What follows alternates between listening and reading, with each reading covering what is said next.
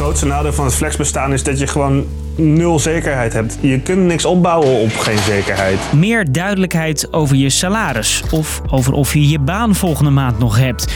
Vakbonden en werkgevers hebben een akkoord gesloten zodat meer mensen een vaste baan moeten krijgen. Ik denk dat bijna iedereen eh, die werkt er iets van gaat merken. Minder flexwerk, meer vast werken, dat is het doel.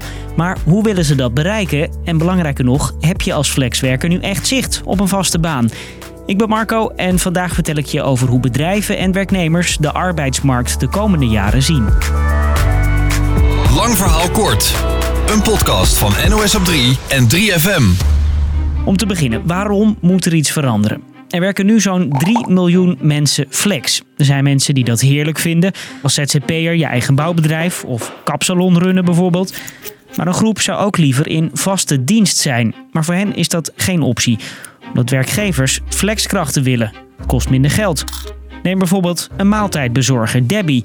Ze is ZZP'er en fietst rond met warme pizza's en koude sushi. En dat verdient heel wisselend. Je kunt er ongeveer twee eh, per uur doen. Dan verdien je Ja. ongeveer een tientje per uur. Maar goed, da- da- dan kom je nog niet eens aan een minimumloon soms. Nee, dat is ook lastig. Je moet dus ook heel veel uren eigenlijk beschikbaar zijn om Ja. ook genoeg te kunnen verdienen. Daarbij komt dat jij als bezorger niet bepaalt welk tarief jij wil. De bezorgdienst beslist wat ze je betalen. En een dagje ziek op de bank thuis onder een pleetje, dan is Debbie's salaris heel duidelijk. Ja, dat is wel lastig, want dan verdien je niks. Zo'n flexwerker is een groot verschil met mensen die een vaste baan hebben. Het salaris is stabiel en vaak hoger.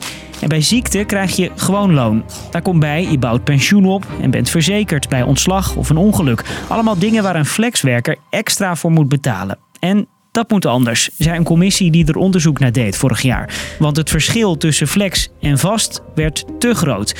Dat raakt vooral jongeren. Die zeggen, ik kan geen huis kopen en ik zie de komende jaren dat ik geen huis kan kopen. Ik durf zelfs eigenlijk geen gezin te stichten. Vanwege alle onzekerheid die ik op de arbeidsmarkt aantreft. Toen ik dat hoorde dacht ik, dat kan niet goed gaan. We moeten echt wat doen. En als we het over flex hebben, kan het gaan om ZZP'ers, maar ook om een baantje via het uitzendbureau bij een restaurant of een nul-urencontract bij een aannemer. Je hoort verslaggever Ron Vrezen. Deze commissie schopt echt alle heilige huisjes die er op dit punt zijn, eh, kan je zeggen, omver. Nu ziet de politiek toch ook echt wel in dat het roer om moet. Er is voor te veel mensen, vooral voor jongeren, te veel onzekerheid op de arbeidsmarkt.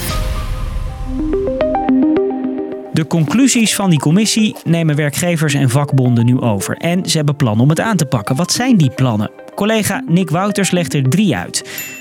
Nul-urencontracten moeten bijvoorbeeld verdwijnen. Je krijgt een vaststaand gemiddeld aantal uren uitbetaald. Kan wel zijn dat je in drukke maanden dan wat meer werkt en in rustige maanden minder. Voor studenten en scholieren blijven die contracten, die vooral in de horeca en bij winkels populair zijn, blijven die wel bestaan. Uitzendkrachten mogen maximaal drie jaar bij een bedrijf ingehuurd worden, bij bijvoorbeeld extra drukte of ziekte. Om tijdelijk even iemand eh, te vervangen. En dat was nu vijf en een half jaar. Dus dat wordt eh, minder aantrekkelijk voor werkgevers om daar heel veel mee te werken. En ZZP'ers moeten meer verdienen. Hun tarief moet omhoog naar minimaal 30 euro bruto. En als je minder verdient, dan moet je maar eh, als werkgever diegene in dienst nemen. Of je moet heel goed uitleggen waarom diegene geen dienstverband heeft. Allemaal met het idee dat bedrijven flexwerkers dan eerder een vast contract aanbieden. En daarom verandert er ook iets aan die vaste contracten, zodat bedrijven die vaker gaan uitdelen. Om toch eh, het aantrekkelijker te maken om een vast contract te geven. Bijvoorbeeld dat ze een deel van hun personeel tijdelijk eh, naar huis kunnen sturen als het wat minder gaat met het bedrijf. Het idee is dat jij je salaris gewoon ontvangt, maar een deel dan wordt betaald door de overheid, zodat bedrijven in mindere tijden niet met torenhoge personeelskosten zitten.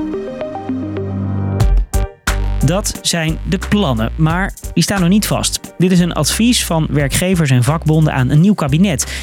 De timing is prima, want in Den Haag zitten ze midden in de formatie. Je hoort de vakbond. Ja, dit gaat zeker geld kosten. Hoeveel?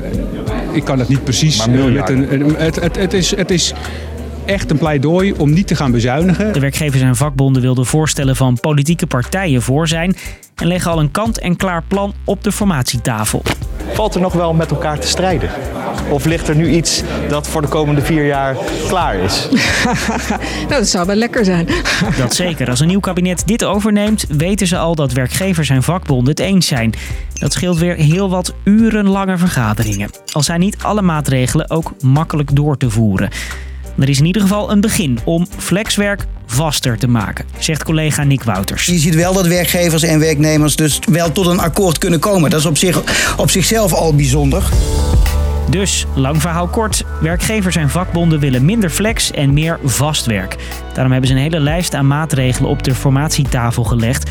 Bijvoorbeeld een stop op nul-urencontracten en kortere flexcontracten, zodat een bedrijf iemand sneller een vast contract geeft. Tot zover de podcast vandaag. Morgen dan maken we er weer werk van op het vaste tijdstip rond 5 uur in je podcast-app.